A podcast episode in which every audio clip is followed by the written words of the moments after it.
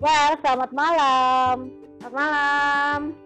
Hari ini seperti biasa kita datang lagi di hari Minggu tanggal 30 Juni 2019. This is the end of June. Udah berasa. We will welcome July. Tahu-tahu udah setengah jalan di 2019. Mm-mm. Dan gue akan kerja di tempat yang baru hari Rabu nanti gue udah masuk. Oh, hari Rabu ya, bukan hari Senin ya? Iya, gue gak tahu sih kenapa ya Rabu, tapi gue agak sedikit mensyukuri. Jadi senang gue gak ngerasain ke kalian-kalian. Untuk Senin hari ini ya. Senin minggu depan gue udah ngerasain lagi hari Minggu tuh ya habis kerja. Gitu. Jadi so cuy, kita mau ngomongin apa nih? Apa ya? Eh, sebenarnya kita udah ada beberapa topik yang Hmm. ngantri mau diomongin. Mm-mm. Tapi mungkin eh, berhubung lo baru mulai mau memulai kerjaan baru minggu Hmm. depan, ya udah lah ya kita ngomongin kerjaan kali ya.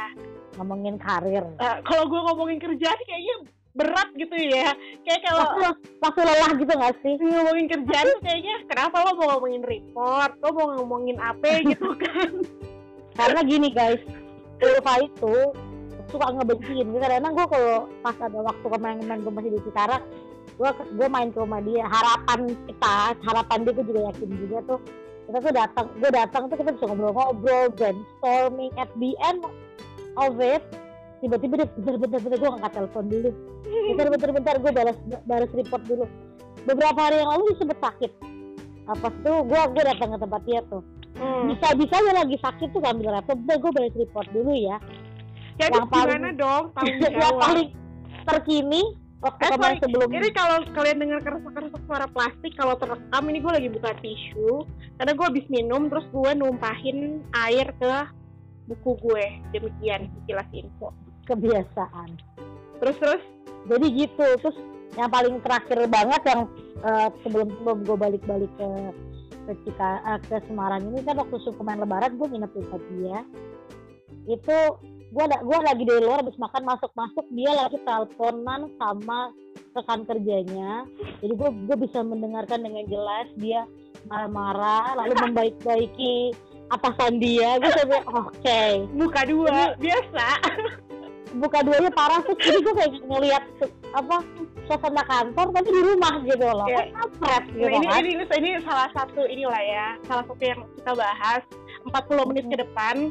Eh, apa namanya eh, mudah-mudahan 40 menit aja jangan lebih gitu kan iya nanti kita tunggu kita capek dulu kan kita eh eh, gue kalau gue ya gue itu kerja itu baru sekitar tiga tahun mau jalan empat tahun sejak lulus kuliah Hmm. jadi itu udah lebih lama hmm.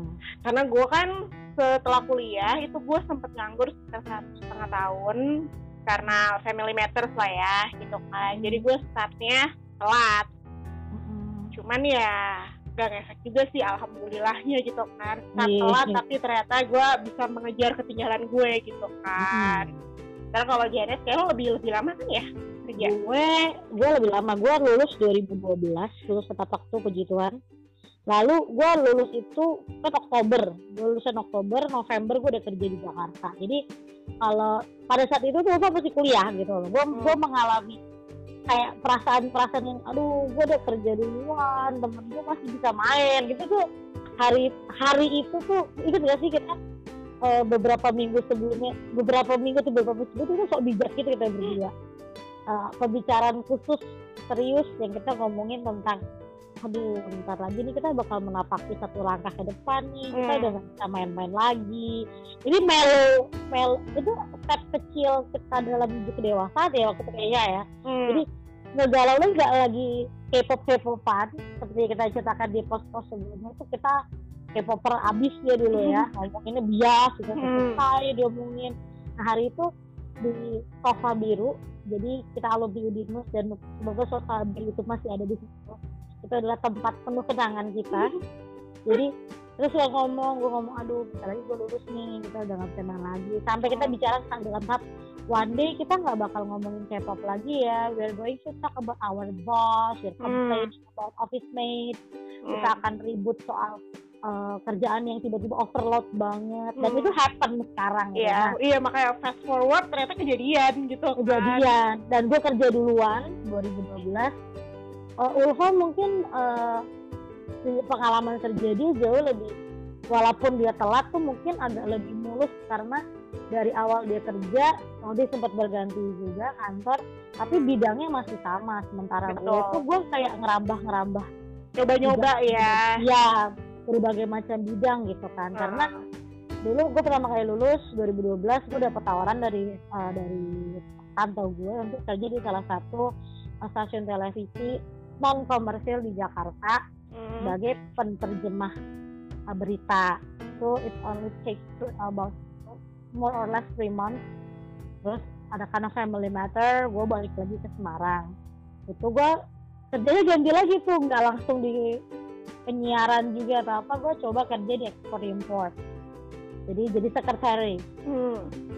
Itu about six months. Terus gue juga karena job desk yang kurang pas atau ada sedikit matter di kantor dengan atasan gue memutuskan untuk keluar lalu gue kerja lagi jadi education consultant marketing bo.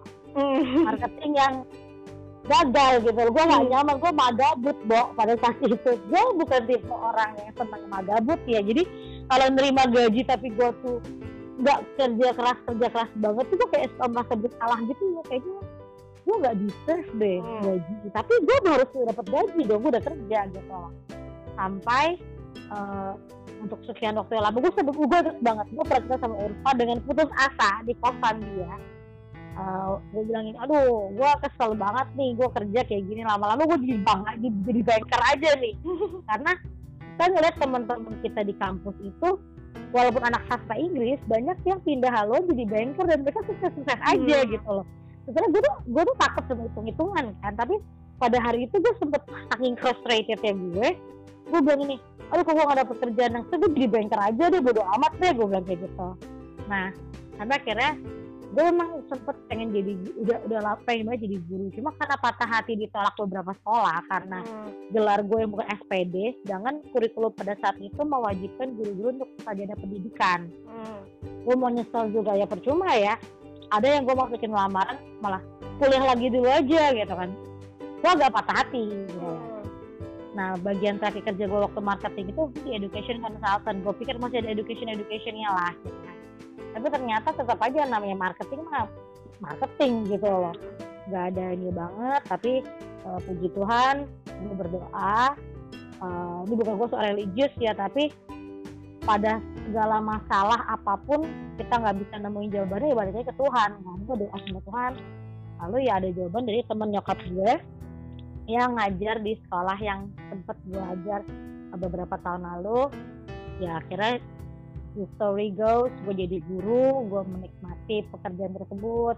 Walaupun dengan salary yang is not as, as big as corporate in, in, in corporate ya. Hmm. tapi gue mulai enjoy gue mulai uh, menikmati segala sesuatu tentang banyak tentang uh, pendidikan and finally ketika gue balik ke Semarang pun gue menetapkan bahwa ya this is going to be a career that I will uh, do maybe in the rest of my whole life gue mikirnya gitu Hmm. itu cerita gue coba kalau lu ceritanya apa Cak? Kalau gue ya itu tadi yang jelas gue sampai gue telat. Telatnya karena satu telat lulus, yang kedua karena setelah lulus pun udah telat dan nggak langsung kerja. Karena itu tadi yang gue ceritain di awal itu karena family matters itu gue terla ter apa ya nggak terluka-luka juga karena gini sih gue nggak kerja waktu itu karena by option sih bukan karena memang nggak dapat kerjaan nggak karena memang gue waktu itu Hmm. memang tidak mencari karena ya apa Hmm. gue memilih untuk fokus dulu di rumah pada saat itu karena karena satu dan lain hal terus eh, ketika udah satu setengah tahun ya sekitaran itulah Hmm. akhirnya kondisi rumah udah mulai eh, kondusif tapi minimal gue ngerasa "Ah, oke gue kalau gue nggak di rumah udah gak kenapa-napa gitu kan. Nah itu dari situ baru gue mulai eh, apa namanya dapetin eh dapetin sorry eh, nyari kerja. Nyari kerja dan itu waktu itu gue nyarinya juga masih nyari ala kadarnya. Gimana sih? Nyari Iya. nyari yang eh, ngirim keluar CV apa segala macam tanpa berharap banyak gitu. Ternyata ya ya itu mungkin. Kadang-kadang kalau misalnya kita berharap yang nggak banyak nggak kejadian loh. Jadi Iya, kalau kita nggak eager itu ternyata bener-bener nggak bakal nggak bakal dikasih. Karena ya lo aja mintanya setengah-setengah ngapain dikasih gitu Iya, kan. iya. Ya, dari situ ya udah akhirnya gue nggak dapet. Akhirnya karena gue nggak dapet dapet ya udah jadi sama saudara gue udah deh lo coba deh kerja di sini gitu kan Mhm. itu waktu itu salah satu travel eh, travel kecil gitulah pokoknya di situ pun deket banget sama rumah gue 5 menit doang jalan kaki 15 menit lah gitu kan.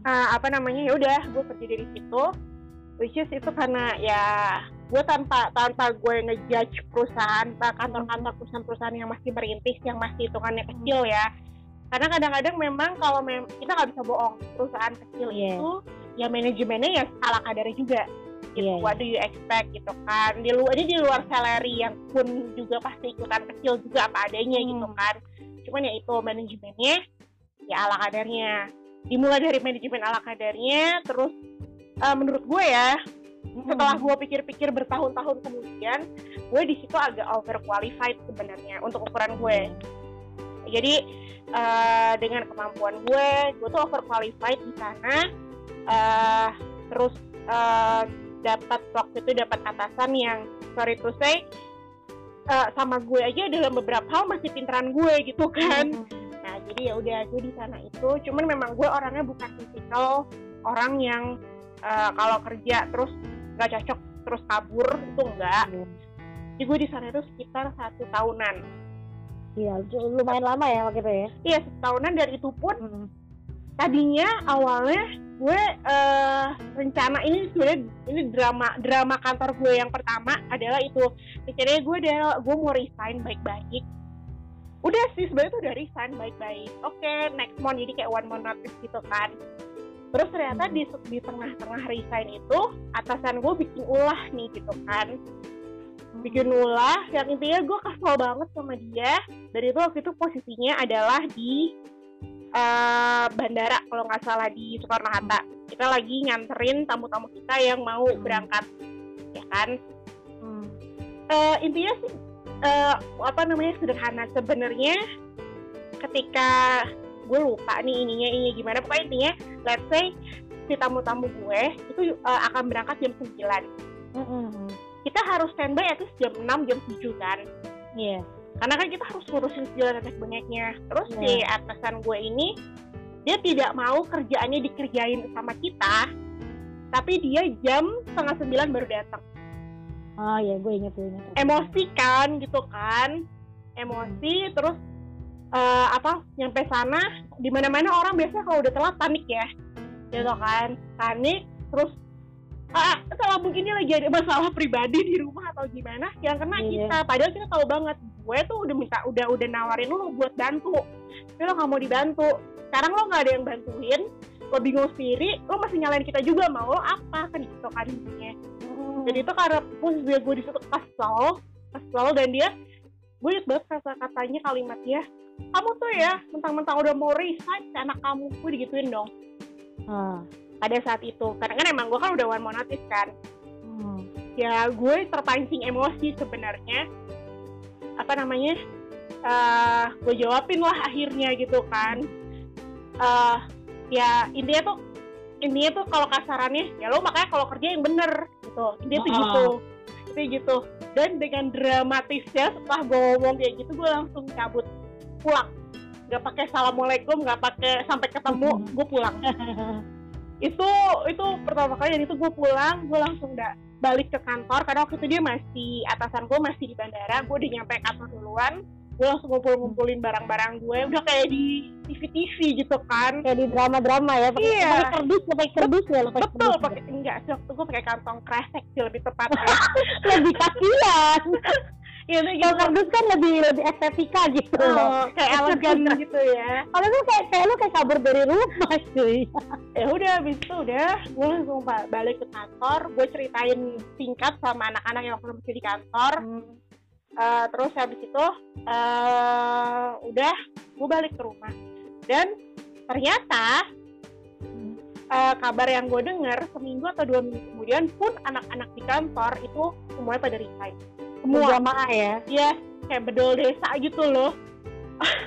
Apa namanya? Ya karena itu dia uh, sebenarnya manajemen ini yang kurang baik manajemen yang kurang baik terus uh, ini tanpa gue berma tanpa bermaksud untuk gue nyombongin diri karena gue di situ overqualified uh, jadi uh, jadi kayak ada dua ada dua kepala gitu yang mimpin atasan gue yang beneran atasan sama gue yang lebih sering banyak ngabisin waktu di kantor nah, Hmm. jadi begitu gue nggak ada udahlah yang lain ikutan gitu kan Mm-mm. begitu itu itu cerita cerita kerjaan pertama gue drama sih sebenarnya menurut gue drama gitu untuk kan gue baby step tapi ya tapi kan itu pengalaman ya namanya Iya. itu jadi pengalaman sih gue juga dengan berganti ya itu kalau gue udah bagian drama adalah eh, memang nggak ada beberapa hal yang memutuskan yang yang membuat kita tuh memutuskan untuk mengganti karir ya. Hmm. gue untuk pertama sebenarnya gue enjoy dengan pekerjaan gue itu coba memang mungkin usia juga. Waktu itu gue masuk kerja itu mulai tahun usia 21 tahun. Langsung masuk ke sebuah kantor yang besar. Eh, gue juga hitungannya paling muda di divisi gak di divisi gue doang di divisi lain gue juga yang paling muda gitu ya jadi eh, kalau di pertelevisian itu working load-nya itu cepet dan Hmm. kita nggak mengenal kata libur mungkin lo yang sekarang yang sekarang kerja di eh, tele, eh, televisi ataupun kayak Ulfa yang kerja di tourism akan memahami itu bahwa Hmm. ada satu pekerjaan di mana waktu lo libur tuh yang lain yang lain libur lo nggak libur gitu apalagi TV 24 jam tuh harusnya muter gitu kan Hmm. uh, gue ngalamin tuh ketika waktu itu sempet 2012 in- Jakarta banjir itu gue nggak bisa kerja Hmm. dan gue ngeliat temen-temen gue yang reporter tuh harus uh, bagaimanapun mereka harus nge-report gitu loh sampai temen gue ada satu temen gue yang sakit pulang-pulang uh, setelah berapa hari setelahnya tuh mereka dia kena tipes Hmm. nah, dia harus meliput uh, banjir lalu berapa hari setelah dia ke Bantar Gebang Hmm. jadi memang fisiknya kurang baik lah nah gue mulai mempertimbangkan selain masalah family matter yang terjadi gue juga mikir lagi apakah kalau gue nanti keluar gue sanggup nggak sih untuk melamar pekerjaan di stasiun televisi lagi dan waktu itu dengan usia gue yang masih begitu masih labil juga ya jadi ah nggak mau ah aku balik Semarang aja kerja coba kerja kantoran Hmm. Nah, kerja kantoran, gue coba di Semarang, gue kerja di kantoran itu ya seben untuk awal bos bos ini juga posisinya bos gue drama. Ada kita pasti akan menemukan beberapa jenis bos ya dalam Hmm. pekerjaan-pekerjaan. Ada yang bosnya baik, ada juga bosnya yang mungkin ya kayak bosnya Ulfa dan bosnya gue ini tanpa bermaksud menjelekan mereka ya. Hmm. Uh, itu gue sebenarnya mulai suka dengan pekerjaan gue, tetapi bos gue yang uh, sistem gue suka kerja yang struktural dan sistematis jadi ini tuh nggak rapi dari uh, waktu kita interview dibilang uh, job desk gue begini nanti perkembangannya job desk gue makin banyak gitu loh Hmm. Harusnya gue sekretaris gue harus beli beli bahan ke pasar gue cari spare part mesin yang gue cuma tahu fotonya. Gue nggak tahu mesinnya kayak apa gitu loh. Terus gue harus pergi ke mana-mana gue perempuan gue cari-cari mesin. Nggak ngerti apa-apa. Jadi gue sempat yang gue nggak nyaman banget sih kerja tempat kayak gini gitu kan. Gue bisa bertahan juga gue nggak nyaman gitu. Loh Gua keluar aja tuh gue disumpah-sumpahin cuy. Hmm. Kita juga hitungannya masuk juga nggak pakai kontak gimana gimana. Gue keluar gue waktu itu udah nggak tahan gue minta untuk uh, bulan depan gue nggak kerja. Dikata-katain gue disumpah-sumpahin keluarga gue. Hmm. habis itu gue nggak mau tahu gue nangis-nangis itu pasti kata-katain akhirnya gue keluar dari tempat itu. Dan uh, gue nggak mau kerja lagi gitu kan di tempat kantoran. Itu gue gue mengalami dilema luar biasa. Gue mau kerja apa gitu loh. Hmm.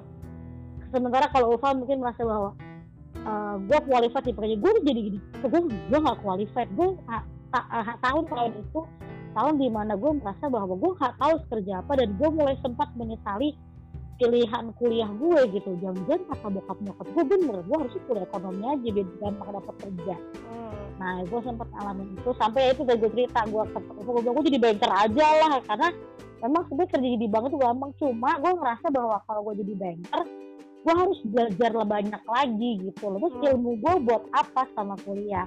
Dan ya itu gue menemukan kesukaan dalam bidang pendidikan. Berawal dari gue jadi marketing di education consultant. Akhirnya ya itu yang gue cerita sama lo orang semua bahwa kalau kita udah nggak sanggup lagi badan ini curhat juga. Ya, gue yakin Ulfa juga waktu itu masih masih kuliah gitu Hmm. masih kuliah dan dia punya masalah sendiri gitu. Gue udah lah gue doa gue sus gue hari itu gue berdoa gue kayak puasa atau nggak doa puasa atau enggak untuk menentukan apa sih yang harus gue kerjakan dan eh, ya itu gue dapat pekerjaan menjadi guru itu gue ingat Hmm. eh, Ulfa itu waktu itu lu ujian ujian akhir skripsi besoknya gue langsung ih sekarang gue Hmm. inget banget itu nah itulah awal gimana gue menemukan bahwa karir gue sebagai seorang guru adalah karir yang gue Hmm. sukai walaupun ya namanya kita kerja kita nggak bisa berharap rekan yang sepenuhnya baik atau Hmm. atasan yang super baik atau load kerja yang sesuai dengan keinginan kita pasti semuanya ada lu pasti kan menemukan senggol-senggolan dengan Pasti. temen bos yang tiba-tiba marah tiba-tiba baik tiba-tiba rese ya, apa sih Oh. ada lah Iya, Gitu. sementara kalau gue, walaupun kerjaan pertama gue itu eh gak jelas, sebenarnya bukan jelas Dramatis sih, sama gitu kan. Cuman kerjaan pertama itu ya, eh i- dia itu adalah stepping stone gue yang justru bikin gue oke ternyata gue cocok di bidang ini dan itu bidang yang gue geluti sampai sekarang gitu kan uh, for some people itu mungkin kayak terjebak di kerjaan pertama. For some people ya Hmm. memang ya memang lo rezeki lo di situ, memang lo bagusnya di situ gitu kan.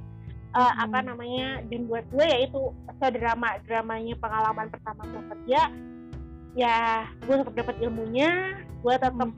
gue tetap tahu oh begini loh dunianya gitu kan Uh, Hmm. dan itu yang jadi modal gue Uh, dan itu uh, waktu setelah gue drama resign yang drama itu gak lama ini yang Hmm. yang gue bilang makanya gue tadi tadi sebelumnya sempat sempat uh, share tentang kenapa pertama kali gue cari kerja itu karena gue setengah hati nggak niat ya gue nggak dapet dapet kan nah kali kedua ketika harus nyebar CV atas segala macam dalam Hmm. satu bulan gue kayak udah pernah cerita sih sama Janet Iya. dalam Hmm. satu bulan gue lupa berapa pokoknya gue dapet lima atau enam panggilan Iya iya iya. Dia dia kabarin gue. Ya, hanya dalam satu bulan betapa berbedanya sama gue yang sebelumnya gitu kan jadi makanya Hmm. sebenarnya mungkin kalau yang eh eh, kalian yang lagi sekarang masih nyari-nyari kerjaan pokoknya dimulai Iya. dengan niat intinya gitu sih Niat dan karena karena gue ngerasain sendiri ketika gue nggak niat sama yang gue niat banget dan itu tuh niat Hmm. itu itu modal pertama dulu sih hmm, nah iya gue Gimana, gimana? ngalamin gue ngalamin lagi ingat gak sih? Gue surat sama Ulfa Awang gitu. Jadi kan waktu gue mau memutus untuk resign dari Cikarang ini ini juga family matter.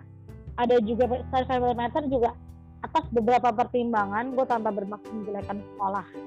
Tempat gue mengajar gue juga memikirkan untuk gue ingin sekali memperbaiki kualitas diri gue tapi memang yang satu yang pasti karena gue pengen deket dengan keluarga eh, masalah kesehatan juga uh, gue ngerasa bahwa secara psikis kita kita perlu perlu lingkungan yang positif gitu untuk kita sehat. Jadi gue balik ke sini itu gue sempet galau. Hmm. lu inget gak sih gue curhat curhat gini? Aduh gue sejujurnya gue takut. Uh, kalau gue sampai di Semarang nanti gue harus nganggur nganggur dulu. Hmm. di sisi lain gue seperti bicara pada diri gue sendiri gitu kan. Aduh nanti kalau gue nggak dapet kerjaan gue nggak mau dulu gimana? Gue nggak mau membebani adik gue gue nggak mau Hmm. gue gue orang yang sangat suka rutinitas. Jadi ketika gue harus kehilangan rutinitas gue senang libur. Tapi libur tuh udah kode dua minggu tuh gue udah mulai cacing kepanasan tau gak aduh gue bosan deh tidur eh, bangun. Gue tuh gak tau kenapa ya. Gue tuh udah ada ada satu entah sistem dalam tubuh gue gimana. Gue kalau libur gue mau pasang waker pagi pun gue gak bangun. Hmm. tapi kalau gue kerja gue bisa bangun lebih daripada waker gitu. Hmm. Gue bahwa kalau gue libur kelamaan tuh gue malas gitu. Jadi gue nggak mau bikin diri gue malas kan. Jadi pasti kalau gue kelamaan nganggur bisa bayangin kalau gue nganggur sebulan gue pasti pola hidup gue kacau. Hmm. gue gue khawatir dengan itu gue khawatir ngerepotin orang tua gue sampai gue sama Ulfa.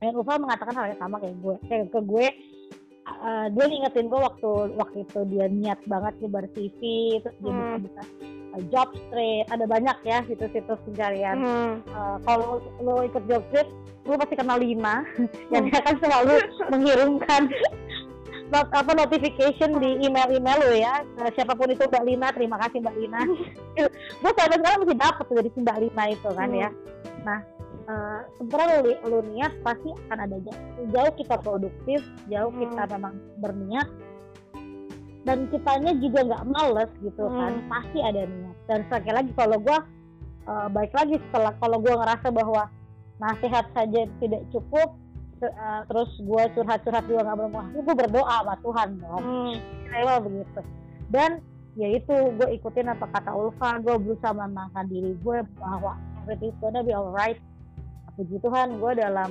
eh, gue nggak butuh waktu lama menunggu gue udah bisa kerja di tanah Jerenan Hmm. jadi harapannya sih dari cerita kita kalian kalian pasti akan punya banyak masalah dalam pekerjaan seperti tadi kita cerita Hmm. mungkin sekarang lagi kerja ngerasa bahwa kok gue kerja gini-gini aja ya stuck-stuck aja ya ini karir yang gue mau bukan sih atau memang lu kerja orientasi lu uang lu cuma nyari uang aja terus lu gak mikirin step karir lo ke depan Hmm. ya lu pasti akan gak nyaman dengan itu mungkin ada sedikit cerita ya kita eh, tanpa menyebut teman kita akhir-akhir ini gue sama sering julid ya gimana kita perempuan julid is Hmm. nice sometimes, sometimes, ya jadi gue ngejulitin sama Ulfa selalu teman kita yang di usia yang udah segini gitu dia masih yang kerja tuh kayak yang resign ya udah ngeluh berasa soal kerjaan. berasa ini ya berasa fresh graduate ya. Iya biasa on the way gitu dan arogan. tolong dicatat kita graduate itu sekitar tujuh tahun yang lalu nggak sih? Iya gue gue 2012 gue kan 2009 artinya udah tujuh tahun yang lalu gitu. Hmm. loh sebenarnya dalam tujuh tahun ini gue dan Ulfa dan mungkin beberapa teman-teman lain kita tuh udah menapaki karir. Ada yang udah udah ada yang bisa Udah. beli mobil udah ada yang bisa beli rumah ya udah udah kan. KPR rumah gitu loh. Ah. gue gue sih belum sampai situ. Saya paling nggak gue tahu apa yang mau gue kerjakan. Gue udah punya banyak pengalaman ini itu. Kok masih ada sesosok manusia yang masih eh, kayak ngambang mau jadi apa gitu. Malah mau nikah lagi gitu kan. Lu bisa bayangin nggak sih? Gue tuh bukannya julid tinggi gue cuma tiba gitu loh. Mikirnya betapa tidak enaknya hidup seperti itu. Iya. Di usia ini kan kita udah harus yang punya karena tanggung gini jawab. loh karena gini kalau gue mikirnya gini kita yang tiap bulan dapat gaji aja itu tuh masih kadang-kadang khawatir ya aduh gue lagi banyak pengeluaran gaji gue cukup kayak gimana kurang- yang nggak punya gaji gitu kan mati gaji ah. gitu kan.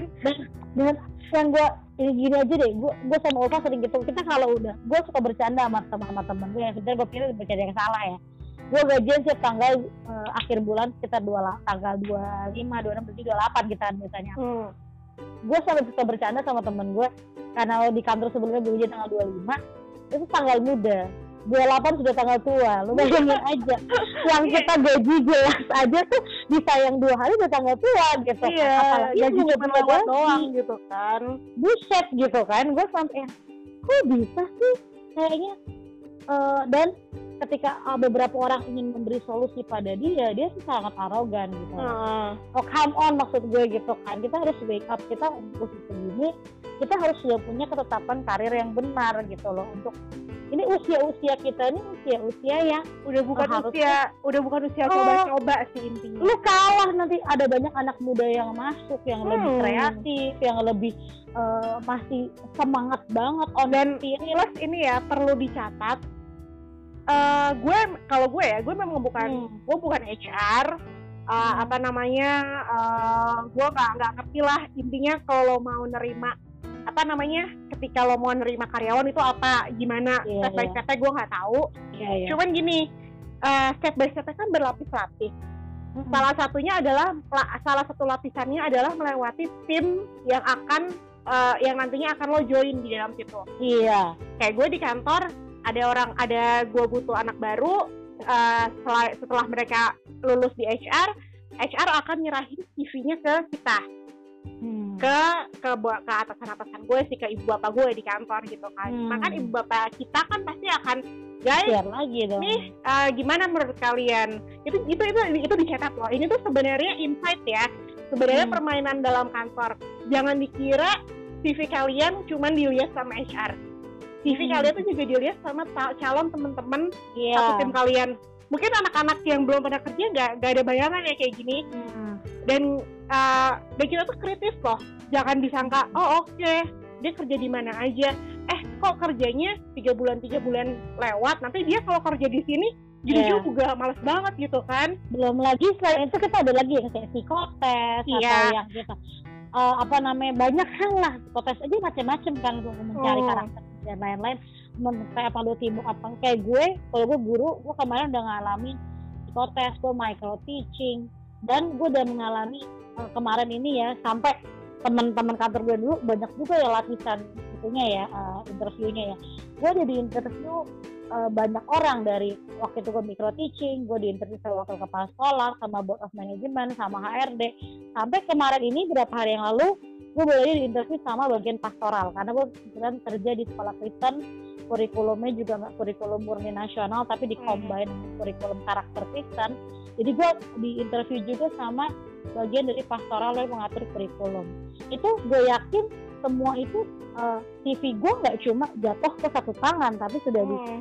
banyak tangan jadi kan sebenarnya menurut gue justru HR psikotes apa segala macam itu baru pertama iya baru di awal karena pada dasarnya yang nanti ngelulusin eh, yang nanti akhirnya oh oke lo bisa ya itu Hmm. lapisan di atasnya tim Iya. lo terus eh, apa namanya eh, manajer lo terus sama satu lagi ya apa namanya director lo di kantor lo yang besar eh, Hmm. yang yang yang si, si pemegang keputusan bukan HR Iya. trust nih bukan HR HR Iya, itu HR tuh cuma awal banget HR itu cuman sebagai filter awal oh oke dia dan masuk mediator. Secara- cuma mediator. secara garis besar dia oke nih tapi setelah putusan lo diserahin lagi ke Iya.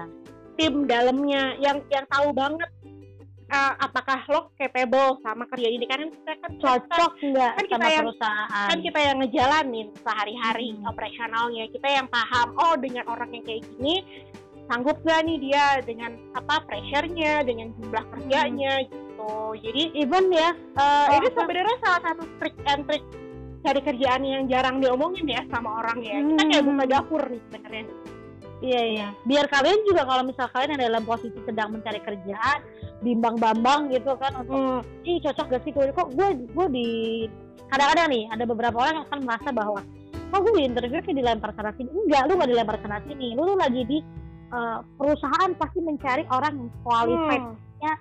sesuai dengan apa yang mereka butuhkan Hmm. kayak kayak gue nih di kantor gue ini gue juga apa pengetahuan yang baru ya di kantor gue yang sebelumnya gue nggak mengalami uh, interview berlapis Hmm. Uh, gue cuma gue, gue bahkan nggak micro teaching waktu itu Hmm. gue cuma di interview kepala sekolah di interview yayasan sudah gue masuk tanpa kontak dengan lain nah di tempat ini gue bahkan gue cerita sama Ulfa yang sebenarnya gue merasa lucu untuk kita ke dia gue merasa tertantang untuk untuk untuk hal yang karena gue nggak pernah merasa tertantang gitu loh Hmm. karena gue tipe orang yang eh, semakin gue usia gue bertambah gue pengen banget eh, apa namanya memperbaiki kualitas diri gue gue gue open open dengan segala macam kritik dan gue sadar bahwa akan banyak anak muda yang akan masuk Hmm. yang jauh mungkin bisa jadi lebih qualified gue harus memperbaiki diri gue supaya gue bisa qualified dan Hmm. gue dengan uh, CV gue yang gue udah ngajar sama lima tahun aja gue masih harus di kayak gue gue cerita interview yang berlapis dengan proses konteks dan lain-lain setelah itu gue masih dikontak enam bulan Hmm. di situ gue percaya apa yang sudah diberikan itu adalah untuk melihat apakah kita capable atau enggak Hmm. makanya ketika lo bekerja Hmm. you do a really good lu semua Hmm. keluarkan segala kemampuan lo jadi sebaik mungkin makanya gue heran gue Hmm. mau gue heran kenapa masih ada orang yang lompat sana lompat sini gitu loh maksudnya Hmm. di usia lo yang harusnya lo bukan lagi sedang mencari batu loncatan gitu loh Hmm. Dan ya harapannya sih ya kalau ini sih gue gue sama Ulfa di podcast podcast kita kita sih berharap kita tuh bisa memberikan informasi kayak Ulfa sampai buka dapur ya istilahnya Hmm. buat gambaran orang yang lagi bingung nih mungkin Hmm. kayak gue punya pengalaman kayak gue yang uh, aduh karir yang gue tapaki sekarang ini oh, bener nggak sih Hmm. gue mungkin ada kayak gue gue merasa bahwa kalau Hmm. jangan uh, gue selama ini kuliah salah jurusan. Hmm. atau kalau gue ada terka- uh, terlanjur nyemplung di bidang ini gue harus apa gitu kan. Hmm. uh, bingung kok gue kerja kayak gini ya? Kok uh, gue mau pin mau pindah dan lain-lain? Ya ini kita akan ngomongin di sini semua. Termasuk gue satu hari ingat gak sih kita pernah curhat-curhat masalah kerjaan. Gue gue gue tuh paling gak suka sama orang yang suka ngeluh-ngeluh di kerjaan. Tapi ngeluhnya tuh gini loh ngomel-ngomel-ngomel-ngomel di medsos, terus Hmm. jelek-jelekin atasan, Hmm. jelek-jelekin uh, manajemen dan lain-lain, tapi lu nggak bisa mencari solusi. ya Terus waktu itu cerita gue pernah cerita panjang lebar. Nah, gue gue tipe orang yang kalau ada sesuatu hal yang salah dalam manajemen gue, gue bisa men- menyampaikan baik-baik. Hmm. Karena kalau kita cuma ngedumel, ngejugit di belakang, nggak ada solusi, terus lu, lu kontribusi lu sama perusahaan apa gitu Hmm. dan lu jadi bikin stigma jelek lalu uh, setelah dalam tahap akhirnya gue mengambil kesimpulan bahwa ini untuk kalian semua yang mungkin sekarang sedang terjebak dalam kebimbangan mau resign atau enggak mau stay atau enggak ada beberapa kantor yang di mana bosnya baik Hmm. temannya nggak baik Hmm. ada yang temannya oke bosnya yang aneh-aneh Hmm.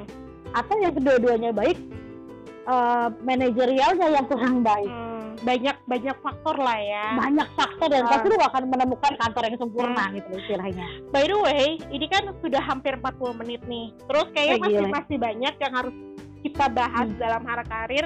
Mungkin kita Hmm. bisa lanjut di podcast selanjutnya kali ya. Iya, hmm, bisa jadi Ah, ya. Karena ini, ini ternyata setelah kita omongin ternyata banyak nih gitu kan harus Dan seru juga. Dan ini Yang baru pasti sih- dan ini baru di awal nih, baru di awal perjalanan Belum menuju tips, masuk ya. belum ketika kalian belum masuk ke dalam Nah, si dunia kerja. Jadi kayak kayak menarik ya Hmm. kalau kita bahas lagi next time di ya. part gitu 2 kan. ya, di part 2 Hmm. kita akan share nih ya tips-tips gimana nanti kalau lu nyemplung, lu akan ketemu kasus-kasus apa. Hmm. Mungkin Ulfa akan share apa sih kasus-kasus yang biasa lu temui dengan Hmm. anak baru atau ketika lu sebagai anak baru di Hmm. divisi yang baru. Walaupun kita punya pengalaman dan Hmm. gue uh, sebagai yang mungkin harus akan menghadapinya baru, gue juga akan sharing-sharing beberapa perasaan gue atau apa yang akan gue lakukan di next post ya. Hmm, hmm, hmm. di podcast berikutnya karena gue kira satu podcast cukup ternyata tidak Ternyata enggak, ya, ternyata banyak juga ya. Karena kita udah banyak bukan belum banyak makan asam garam sih cuma Ah, ya kita niat kita aja pengen banget hal berbagi aja sih buat kalian semua. Ah, apa Oke. namanya Eh, berarti eh, di podcast Seru ya. berikutnya kita lanjutkan pembicaraan soal karir ini gitu Dan kan. pekerjaan, Hmm. nah kita mungkin lebih ke dunia kerjanya seperti Hmm, apa. Ya berarti kan kita kita di podcast yang ini kita udah lumayan buka dapur nih soal Hmm. memulai gimana gimana susahnya, gimana susah Hmm. dan gampangnya sebenarnya cari kerjaan. Iya iya iya. dan eh, gimana sih apa dapur dapur HR dan dapur di dalam pekerjaan ketika menyaring kalian masuk ke kantor mereka next time eh, kita share soal kalau kalian udah masuk what will you do gitu kan Hope hope it will going to help Hmm. you. Jadi kalian juga mungkin nggak takut-takut banget, kalian nggak uh, aw- nggak kayak di awang-awang banget. Hmm. gitu. Thank you for hearing us. Hmm, see you next time dengan eh, apa namanya career at work part 2 Yes. oke Ingat besok Senin. Oh, oke terima kasih sudah diingatkan bye Bye.